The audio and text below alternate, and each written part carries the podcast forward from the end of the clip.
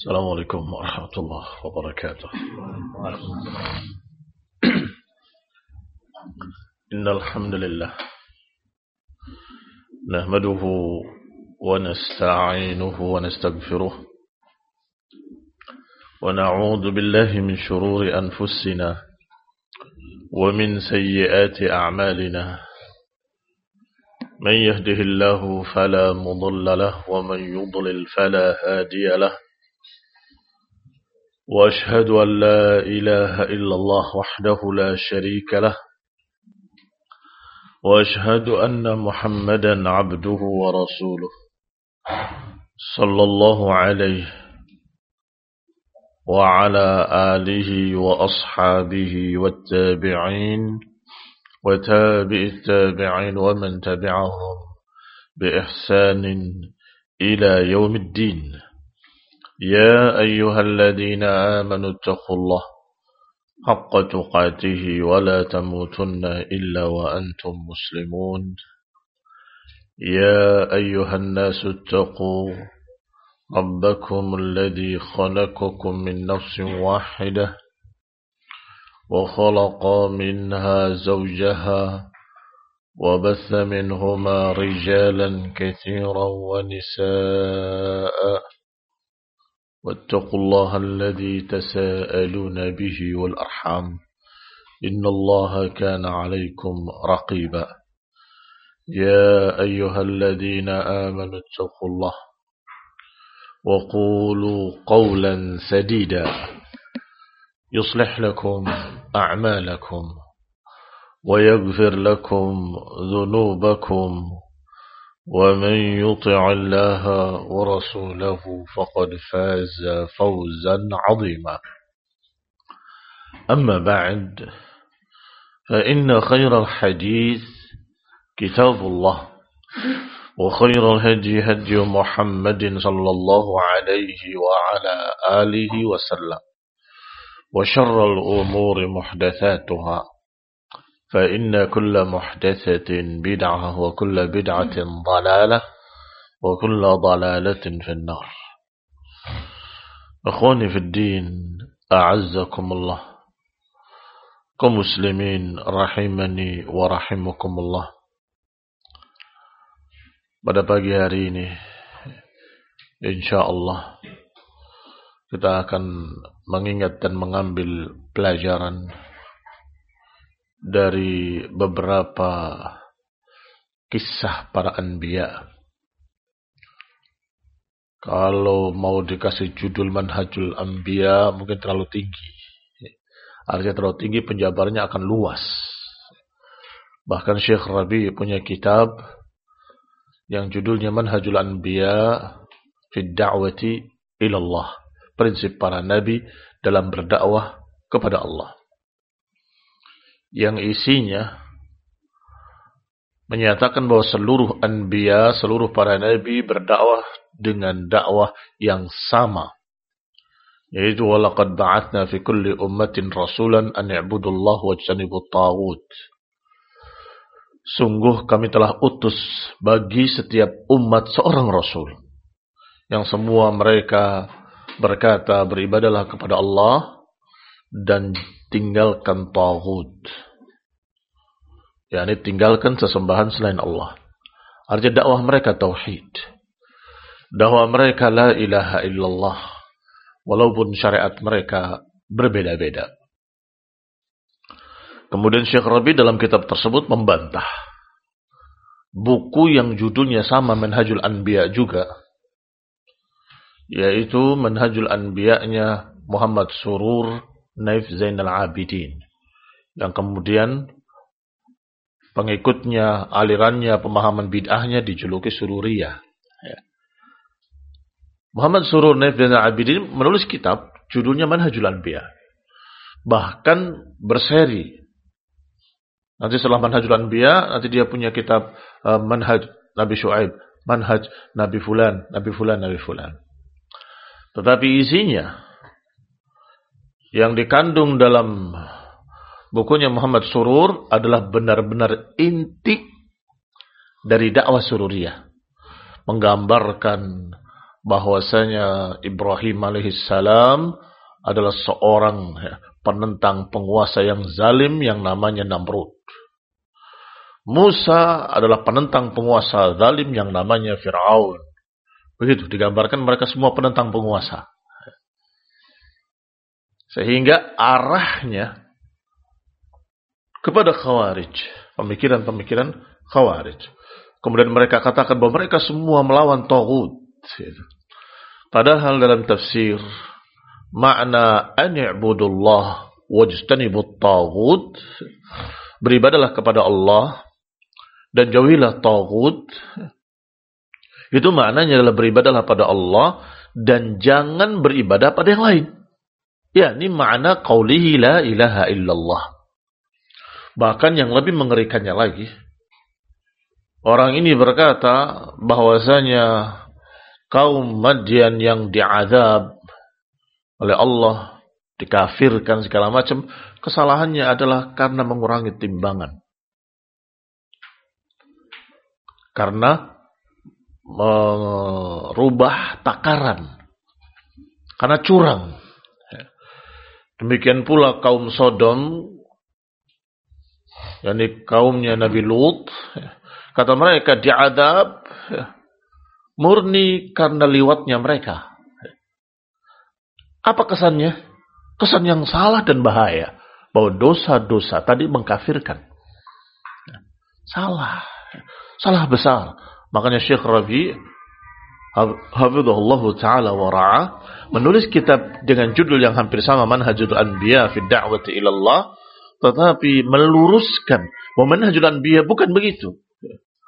Tetapi mereka diadab, mereka kufur, mereka menentang karena mereka tidak menerima la ilaha illallah, tidak mengakui kerasulan nabi-nabi tersebut, maka mereka kafir karena itu. Nah, baru ketika ditanya kenapa mereka menentang para nabi, kenapa mereka menentang agama Islam, kenapa mereka menentang tauhid, karena mereka menginginkan hawa nafsunya dituruti. Oh, kami mau agama yang tidak melarang kesukaan kami. Begitu.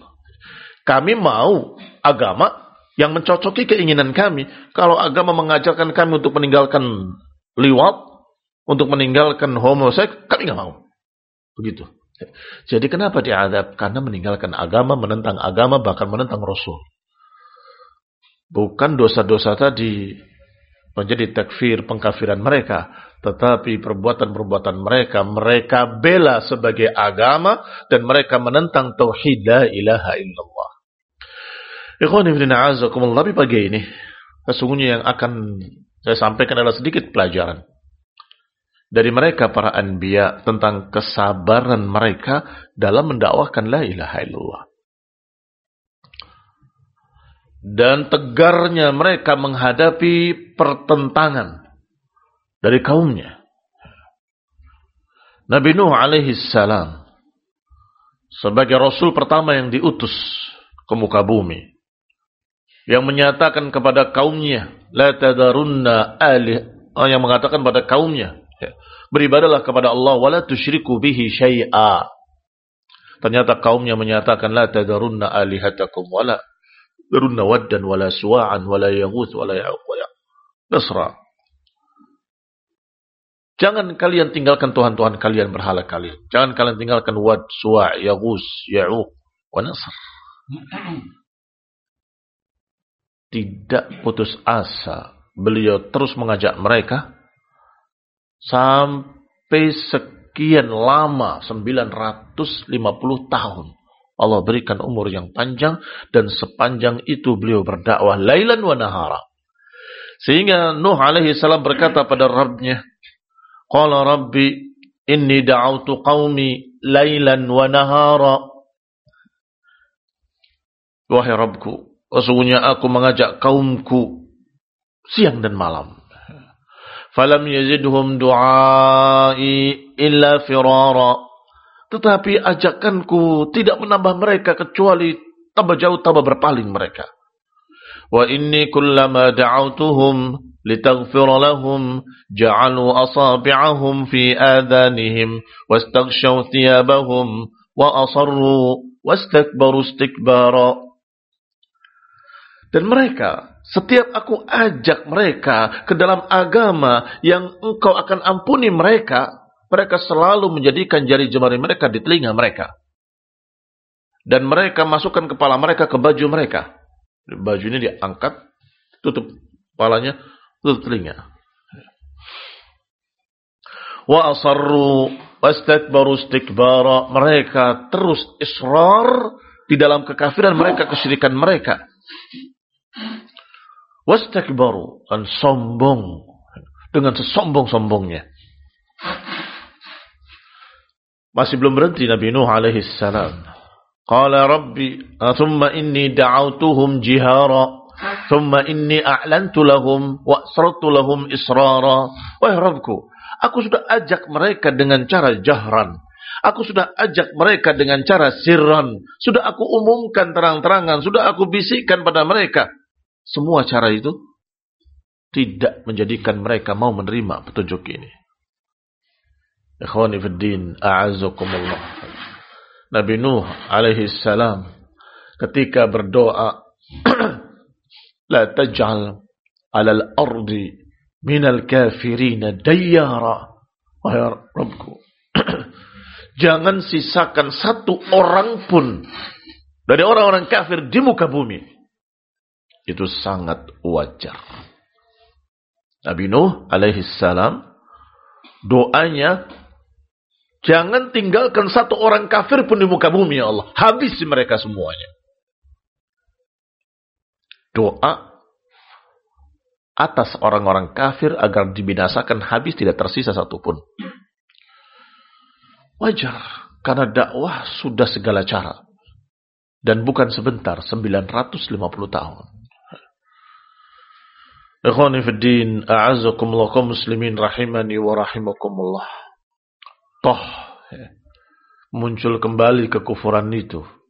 Padahal yang selamat hanya kaum mukminin di atas perahu.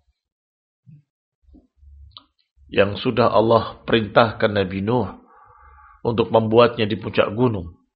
Dan semua orang mentertawakan. Ngapain bikin kapal di puncak gunung?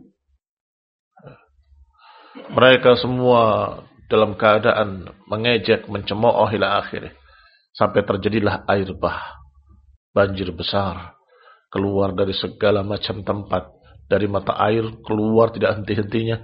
Dari sumur-sumur keluar tidak henti-hentinya. Dari semua. Ya. Naik air sampai ke gunung. Nabi Nuh alaihissalam ya, memanggil mereka orang beriman untuk menaiki perahu. Tidak akan ada yang selamat kecuali yang naik ke perahu ini. Ini sudah putusan Allah subhanahu wa ta'ala. Maka mereka pun menaikinya. Sedangkan anaknya tidak mau. Ditanya ya bunai irkam ma'ana. Ya bunai irkam ma'ana. Wahai anakku, naiklah bersamaku. Jawab anak, Sa'awi ilal jabal. Ya'simuni minal ma. Aku akan naik ke gunung. Aku akan terlindungi dari air. Otaknya dia dalam keadaan berpikir lebih tinggi selamat dari air. Kata Nabi Nuh alaihi salam, tidak akan ada yang selamat min amrillah. Gak akan selamat dari apa yang sudah Allah putuskan. Fahala bainahumal mauju fakana minal mughraqin. Maka terhalanglah antara bapak dengan anaknya dengan gelombang dan hilanglah anaknya. Tenggelam di dalam air bah. Maka Nabi Nuh tentunya memiliki sifat manusiawi karena beliau manusia alaihi salam. Sedih melihat anaknya tenggelamkan dan menyatakan Rabbi inna ibni min ahli wa inna wa'dakal haq Wahai Rabbku, Nuh alaihi salam, anak kata Nuh, wahai Rabbku, sesungguhnya anakku adalah keluargaku. Wa inna wa'dakallah, wa inna wa'daka haqqun, sesungguhnya janjimu adalah hak. Karena Allah berjanji untuk menyelamatkan keluarganya. Sedangkan anaknya, menurut Nabi Nuh, itu keluargaku. Inna bni min ahli. Sesungguhnya anakku itu keluargaku juga. maka selamatkanlah dia. Bukankah janjimu pasti hak? Allah menjawab, Innahu laisa min ahlik, innahu amalun ghairu salih. Sesungguhnya dia bukan keluargamu karena amalannya ghairu salih. Dipisahkan oleh Allah taala anak dengan bapaknya, tali kekeluargaannya putus. Innahu laisa min ahlik.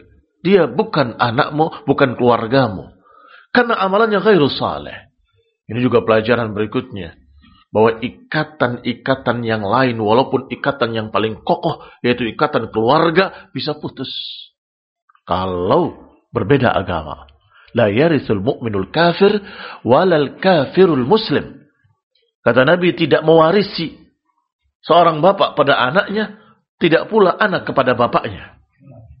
Yang kafir maksudnya. Tidak mewarisi seorang muslim pada orang kafir, dan tidak mewarisi orang kafir pada orang muslim. Karena bukan keluarga. Yang namanya keluarga itu saling mewarisi. Tapi kata Nabi, kalau anaknya kafir, bapaknya muslim, tidak mewarisi bapaknya. Kalau bapaknya yang kafir, anaknya muslim, anak muslim ini tidak mewarisi dari bapaknya. Putus hubungan. Innahu laisa min ahlik, innahu amalun ghairu salih. Dan kemudian Allah tegur Nabi Nuh alaihi salam, la tas'al ma laisa laka bi ilmun. Jangan meminta sesuatu yang engkau tidak punya ilmunya. Nabi Nuh beristighfar minta ampun pada Allah Subhanahu wa taala. Ikhwani fi din. Toh setelah itu pun dalam keadaan muncul kembali kekafiran-kekafiran dari turunan-turunannya yang sudah tersebar satu ke Eropa sana, satu ke Asia sana, sebagian ke sini sudah menjadi sekian masyarakat besar muncul kembali. Dari mulai Adam dan Hawa dan sepuluh generasi kata Ibn Abbas dalam keadaan bertauhid. Sampai muncul pertama kali kesyirikan di zaman Nabi Nuh. Setelah Nabi Nuh berdoa, habisi mereka orang kafir. Sudah bersih di bumi ini dari orang kafir. Allah kabulkan. Tetapi muncul kembali. Karena ini dunia. Darul ibtila, tempat ujian akan terus ada. Kalau Allah Subhanahu wa taala menyatakan dalam Al-Qur'an ingin menjadikan umat ini satu umat saja, Allah bisa. Allah menjadikan satu umat saja muslimin semua mumin. Allah bisa. Allah ala kulli syai'in qadir. Tapi sengaja Allah biarkan mereka dalam keadaan diberi oleh Allah ujian, ada yang mukmin, ada yang kafir, ada yang menerima, ada yang menolak, ada yang mendukung, ada yang mengganggu, ada yang menentang. Ini sunnatullah di dalam dakwah. Maka Nabi Nuh ketika mengajak mereka bukan tidak mendapatkan tantangan. Allah berfirman, "Watlu 'alaihim naba'a Nuhin." Ceritakan pada mereka kisah Nabi Nuh kata Allah dalam rangka melaksanakan perintah Allah ini, kita ceritakan cerita Nabi Nuh ini. Karena Allah katakan, "Watlu 'alaihim naba'a Nuh." Idh qala liqaumihi ketika berkata pada kaumnya, "Ya qaumi, in kana kabura 'alaik in kana kabura 'alaikum maqami wa tadhkiri." Wahai kaumku, kalau terasa besar bagi kalian kedudukanku mengajak kalian dan peringatkanku pada kalian bi ayatillah. Aku ingatkan kalian dengan ayat Allah itu dianggap besar oleh kalian. Fa'alaik fa'alallahi tawakkalt maka kepada Allah aku bertawakal fa'ajmi'u amrakum silahkan kalian sepakati urusan kalian untuk menentangku untuk menimpakan kepadaku berbagai macam perbuatan-perbuatan jelek silahkan wala yakun amrukum alaikum ghummah dan jangan jadikan keadaan kalian samar-samar. Yang jelas. Thumma qudu ilayya wala tundirun. Kemudian silahkan kalian putuskan atasku apa pun yang kalian putuskan. Jangan ditunda-tunda. Ini pelajaran berikutnya.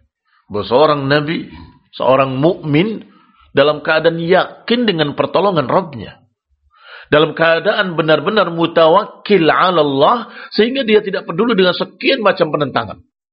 Walaupun orang-orang kafir mengancam dengan sekian ancaman, walaupun orang-orang kafir mengucapkan, merencanakan segala macam. Tetapi barakallahu fikum dijawab dengan kalimat kalau kalian anggap nasihatku ini besar buat kalian, kalau kalian anggap bahwa apa yang aku dakwakan pada kalian itu adalah perkara yang jelek atas kalian atau kalian menganggap peringatanku kepada kalian dengan ayat-ayat Allah dianggap perkara yang jelek silahkan. Kalian balas kalian serang atau kalian perbuat terhadapku apa pun yang mau kalian perbuat. Silahkan sepakati oleh kalian. Bersama-sama. Dan putuskan atasku. Wala tundirun dan jangan ditunda-tunda. Kalau tidak yakin, nggak akan berani menantang-nantang seperti ini. Artinya Nabi Nuh sangat yakin pada Allah Subhanahu wa taala. In yansurkum wa yuthabbit aqdamakum. Siapa yang menolong agama Allah, maka Allah akan menolongnya. Dan Allah akan mengkokohkan kaki-kakinya. Atau ayat Allah, wa kana haqqan alaina nasrul mu'minin. Mesti atasku untuk menolong orang-orang mukmin. Mesti atasku artinya wajib atasku. Apakah Allah punya kewajiban? Allah punya kewajiban karena Allah sendiri mewajibkan atas dirinya. Tidak diwajibkan oleh siapa pun. Dan itu terserah Allah subhanahu wa ta'ala. Wallahu fa'alun lima yurid. Allah maha melakukan apa pun yang dikehendakinya. Dan ini ucapan mirip dengan ucapan Nabi Hud. Alaihi salam. Ketika mereka berkata, kepada nabinya kaum musyrikin inna qul illa ataraka ba'du alihatina bisu kami tidak mengatakan kecuali bahwa kamu ini sudah ditimpa kejelekan oleh Tuhan-Tuhan kami oleh berhala-berhala kami. Nabi Hud alaihi salam juga mendakwakan la ilaha illallah. Beribadahlah pada Allah jangan beribadah pada yang lain. Tetapi mereka setelah terjadi perseteruan pertikaian, mereka berkata, Inna qulu illa taraka ba'du alihatina. Kamu ini, menurut mereka, dan tuduhan mereka, bahwa Nabi Hud ini kena sesuatu. Sejenis uh, junun, gila, atau sejenisnya. Kesambet begitu. Ba'du alihatina. Oleh beberapa Tuhan-Tuhan kami, berhala-berhala kami. Karena kamu sering menyalah-nyalahkan, ada kamu sekarang kayak gini nih. Apa jawaban Hud alaihi salam? Sama seperti Nabi Nuh. Qala inni ushhidullah. Washhadu anni bari'un mimma tusyrikun. Aku mempersaksikan. Dan saksikanlah bahwa aku berlepas diri dari semua yang kalian sekutukan. Min dunil. Selain Allah subhanahu wa ta'ala. Fakiduni. Thumma la tundirun. Silakan kiduni jami'an. Silakan kalian rencanakan rencana-rencana jelek terhadapku seluruhnya. Seluruh kalian silakan berencana untuk rencanakan jelek kepadaku wala tundirun dan jangan ditunda-tunda. Sama dengan ucapan Nabi Nuh alaihi salam. Maka barakallahu fikum. Kalau dakwah kita dengan yakin mengajak pada la ilaha illallah tidak mengajak pada pribadi, tidak mengajak pada golongan, tidak mengadakan, tidak mengajak pada hizbiyah, tidak mengajak pada ketenaran, tidak mengajak kepada syuhrah. Maka tenanglah. Tawakal ala Allah. Bergantunglah pada Allah Subhanahu wa taala dan jangan khawatir dengan ancaman-ancaman kaum musyrikin, kufar yang mengerikan. Kalian akan dibantai dan dikejar-kejar seperti PKI masa lalu. Lihat sebentar lagi. Itu sesumbarnya mereka kaum musyrikin. Akan dikejar kalian, dibunuh di mana pun kalian berada. Ini mau memperlakukan orang-orang yang mendakwakan tauhid seperti memperlakukan komunis di masa itu, di mana saja mereka berada dibunuh, dibantai, dibuang ke sungai segala macam. Dan mereka sudah lakukan di beberapa tempat. Mereka bantai kaum muslimin. Ikhwani. Maka kita dengan tegas menjawab. Bahwa kami akan tetap mendakwahkan tauhid la ilaha illallah dan kami akan tetap mendakwahkan ajaran sunnah Nabi sallallahu alaihi wa ala alihi wasallam. Fakiduni jami'an wala tundirun. Silakan kalian bikin tipu daya seluruhnya bersama-sama. Atas kami silakan. Dan jangan ditunda-tunda. Inni tawakkaltu ala Allah Rabbi wa Rabbikum. Kami bertawakal pada Allah Subhanahu wa taala, Rabbku dan Rabb kalian. Ikhwani fid din, a'azzakumullah. Dakwah dengan keyakinan akan sampai pada keyakinan. Dakwah dengan keraguan gak akan sampai pada keyakinan. Dan akan sampai pada keraguan. Dakwah dari mulut saja akan masuk ke telinga saja. Tetapi dakwah dari hati akan masuk ke dalam hati. Dakwah dengan sungguh-sungguh dengan ikhlas niscaya akan masuk dalam inti hati mereka. Dalam sanubari mereka akan menghunjam. Dan kalau kita yakin, orang yang mendengarnya yakin.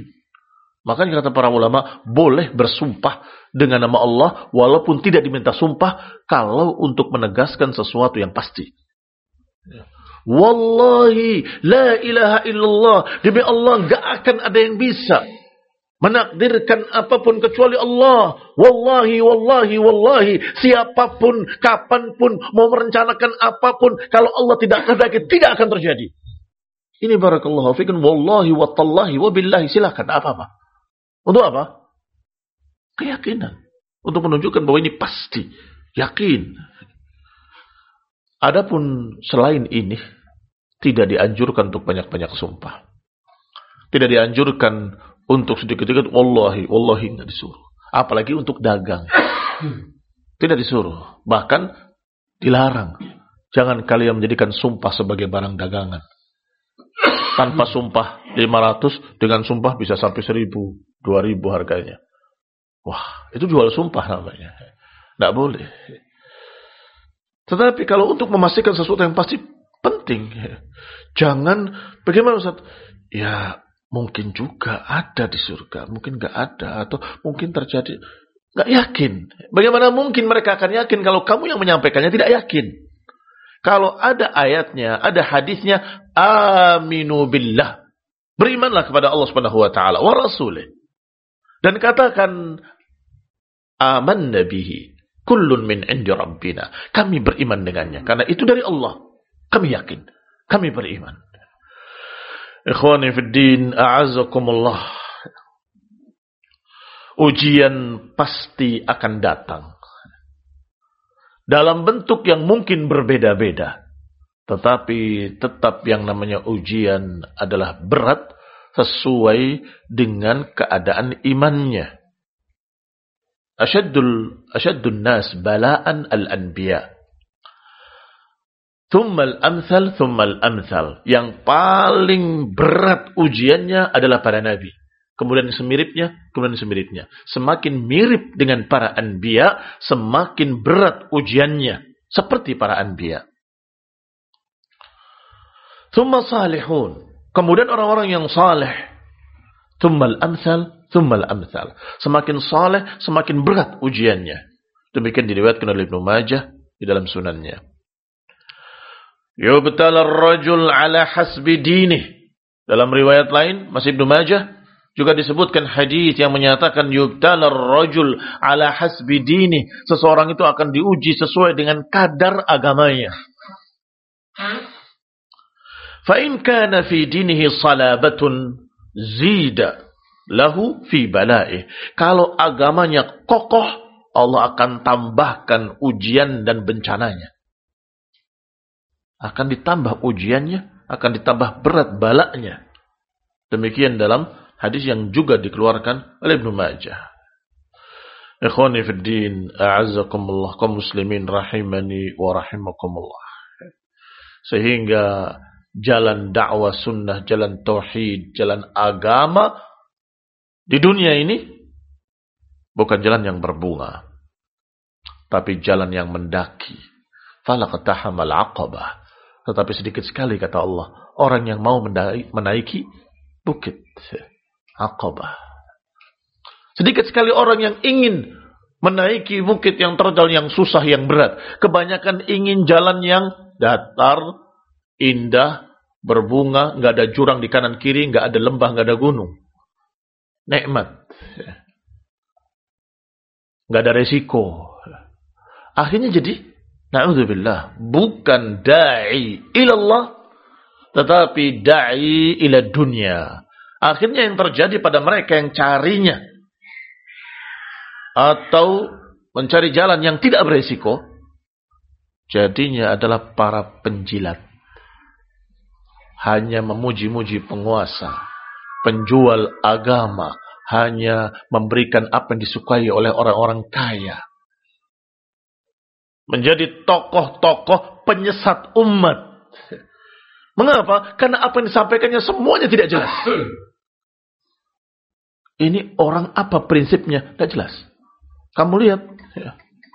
mereka-mereka yang katanya dai, ternyata mereka lebih mirip ya, dengan apa? Ya, mungkin penyanyi atau mungkin uh, artis lah ya. mirip dengan artis. Apanya yang mirip? Dia melihatnya rating. Berapa yang suka sama saya, contreng, mana yang tidak suka, dihitung sama dia. Kalau ternyata banyak yang tidak suka, kenapa? Oh ternyata karena kita terlalu sakut dalam masalah syirik dan tauhid. Maka dia akan rubah itu. Dia akan mengatakan sesungguhnya tauhid dan syirik itu tidak penting. Astagfirullah. Demikian pula ketika mereka followernya nggak ada yang suka dengan pembicaraan tentang sunnah, dia akan ganti. Ya memang sunnah sekarang ini sesungguhnya tidak harus. Yang lebih penting dari ini adalah Wallahi ini akan terjadi kalau orientasinya adalah bagaimana saya disukai oleh semua pihak. Ini orang yang mencari jalan yang berbunga, jalan yang indah, nggak ada resiko, nggak ada jurang, nggak ada lembah, nggak ada bara bahaya. Akhirnya seperti itu.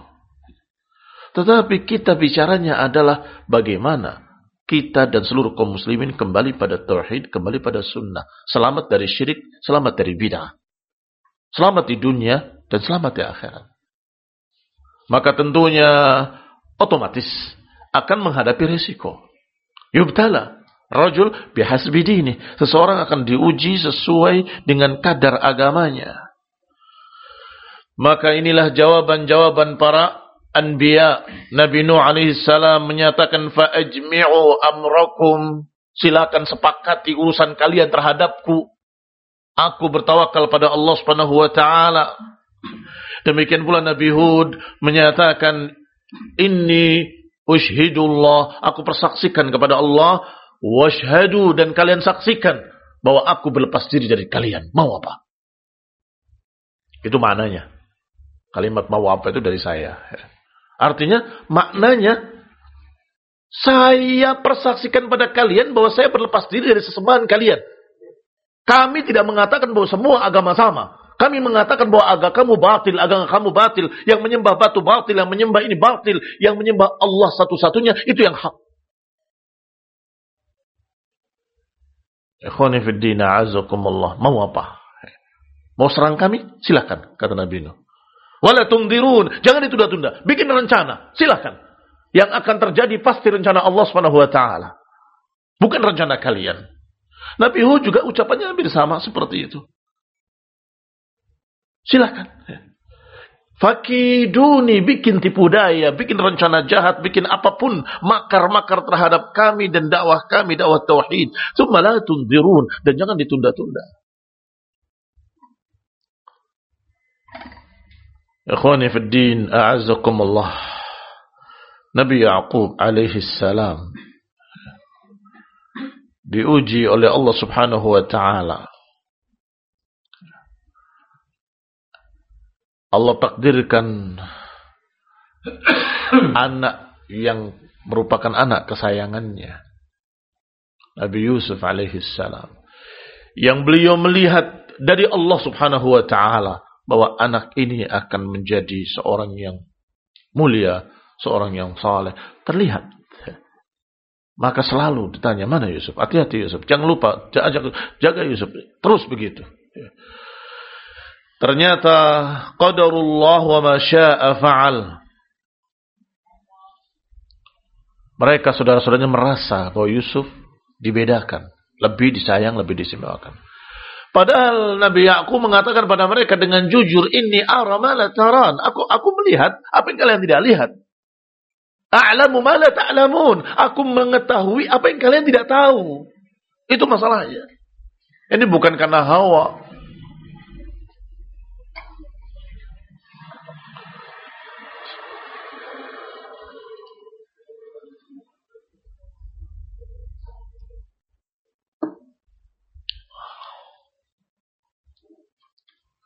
Hilang Nabi Yusuf. Dibawa oleh mereka, kata dimakan serigala. Mereka ganti pakaiannya dengan darah hewan. Dengan pura-pura menangis. Isya'an yabkun di waktu Isya dalam keadaan mereka menangis. Tarakna inda mata'ina fa'akalahu dhi'b kami tinggalkan di tempat perbekalan kami, ternyata dimakan serigala. Allah tahu apa yang mereka rencanakan, dan Allah punya rencana.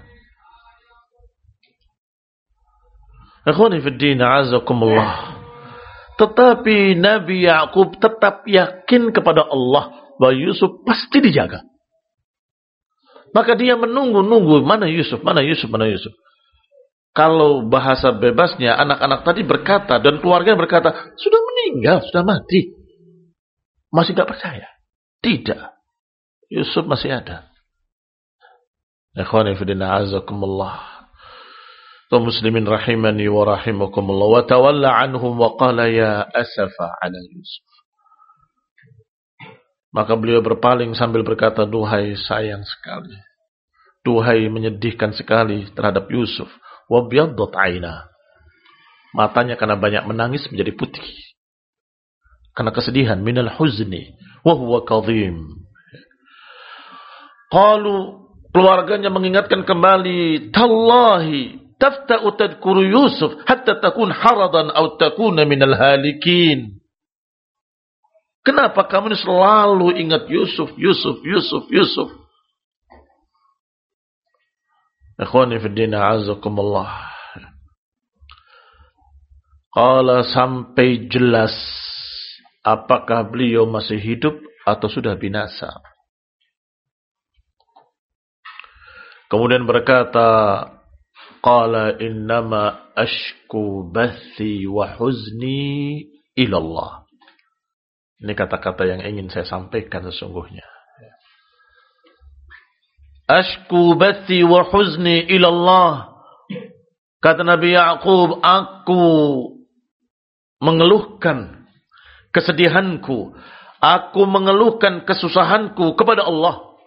Wa a'lamu minallahi ma la ta'lamun. Dan aku tahu yang kalian tidak tahu. Pelajarannya, pertama semua dikembalikan pada Allah Subhanahu wa taala. Kedua, tetap percaya dan yakin kepada Allah Subhanahu wa taala. Manusia mengatakan sudah selesai binasa. Kalau belum yakin mana sisanya atau mana jenazahnya, saya nggak yakin. Bisa jadi masih hidup. Ke mana? Berdoa pada Allah Subhanahu wa taala. Ketika mereka menyatakan, "Allah, tafta'u tadkuru Yusuf." Sungguh kamu ini selalu Yusuf, Yusuf terus. Apa jawabannya? Aku tidak mengeluh pada kalian. Ashku bathi wa huzni ilallah. Aku mengeluh kepada Allah. Dan Allah tahu dan aku tahu dari Allah apa yang kalian tidak tahu. Jadi kenapa kalian protes? Aku mengadunya pada Allah Taala. Artinya kalau kita sedih, diuji oleh Allah dengan ujian yang sangat berat, jangan mengeluh pada siapa-siapa. Jangan mengeluh pada manusia mengeluhlah pada Allah Subhanahu wa taala, mengadu kepada Allah Subhanahu wa taala. Ikhwani fi din, a'azzakumullah. Kaum muslimin rahimani wa rahimakumullah. Nabi Lut alaihi salam. Dakwanya juga tauhid. Mengajarkan kepada mereka untuk beribadah kepada Allah dan jangan beribadah yang pada pada yang lain. Ani'budullaha wattaquhu wa ati'un. Beribadahlah kepada Allah, bertakwalah kepada Allah dan ikutilah aku. Yang diajarkan beribadahlah pada Allah dan ikutilah Rasul. Dua syahadat. Syahadat pertama la ilaha illallah. Syahadat kedua bahwa nasanya Lut adalah Rasulullah. Itu itu. Tetapi mereka tahu bahwa agama ini melarang kebebasan seks mereka. Melarang seks dalam bentuk homo seperti itu. Dan lesbi dan sebagainya. Mereka adalah kaum yang bejat. Kaum yang rusak. Kaum yang busuk. Mereka itu melakukan urusan jorok mereka itu di hadapan orang banyak. Ini lebih parah dari LGBT yang sekarang. Pesta. Pesta seks. Dan tidak mau ada yang melarang. Wahai Lut. Jangan sok suci. Ini ucapan mereka.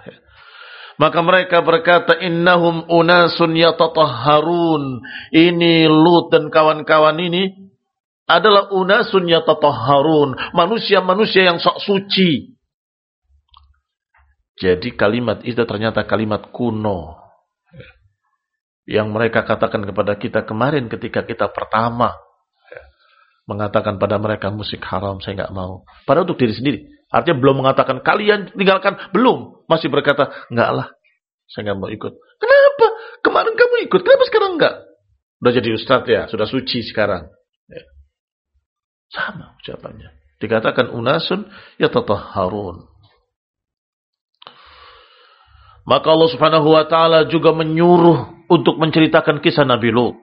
Walutan id qala liqaumihi atatuna al-fahishata ma sabaqakum biha min ahadin minal alamin.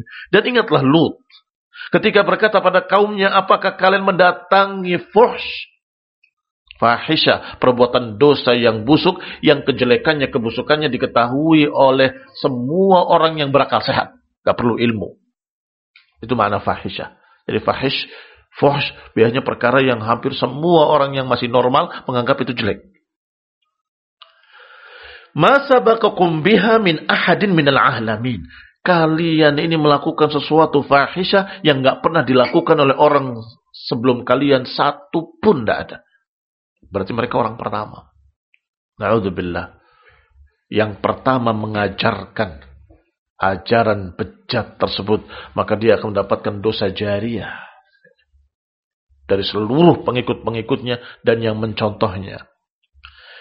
Innakum lata'tuna rijala syahwatan min dunin nisa. Kalian mendatangi laki-laki secara syahwat seperti mendatangi para wanita. Bal antum qaumun musrifun. Bahkan kalian ini adalah kaum yang melampaui batas. Apa jawaban mereka? Allah kisahkan.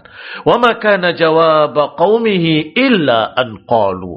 Tidaklah jawaban mereka kecuali mereka berkata, "Akhrijuhum min qaryatikum innahum unasun yatatahharun." Usir mereka dari desa kalian. Usir mereka dari desa kalian. Innahum unasun yatatahharun. Mereka itu manusia-manusia yang sok suci. Mereka ingin Seluruh desa itu ahli maksiat. Jangan ada orang soleh. Mereka ingin semua yang ada di sana adalah ahlu maksiat seperti mereka. Mereka ingin yang mengaturnya, yang memimpinnya, yang menyuruhnya semuanya ahlu maksiat. Kalau ada orang-orang yang soleh, mereka gelisah, gak betah.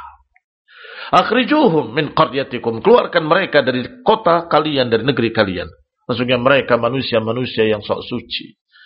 Ikhwani fi din, lakum muslimin rahimani wa rahimakumullah.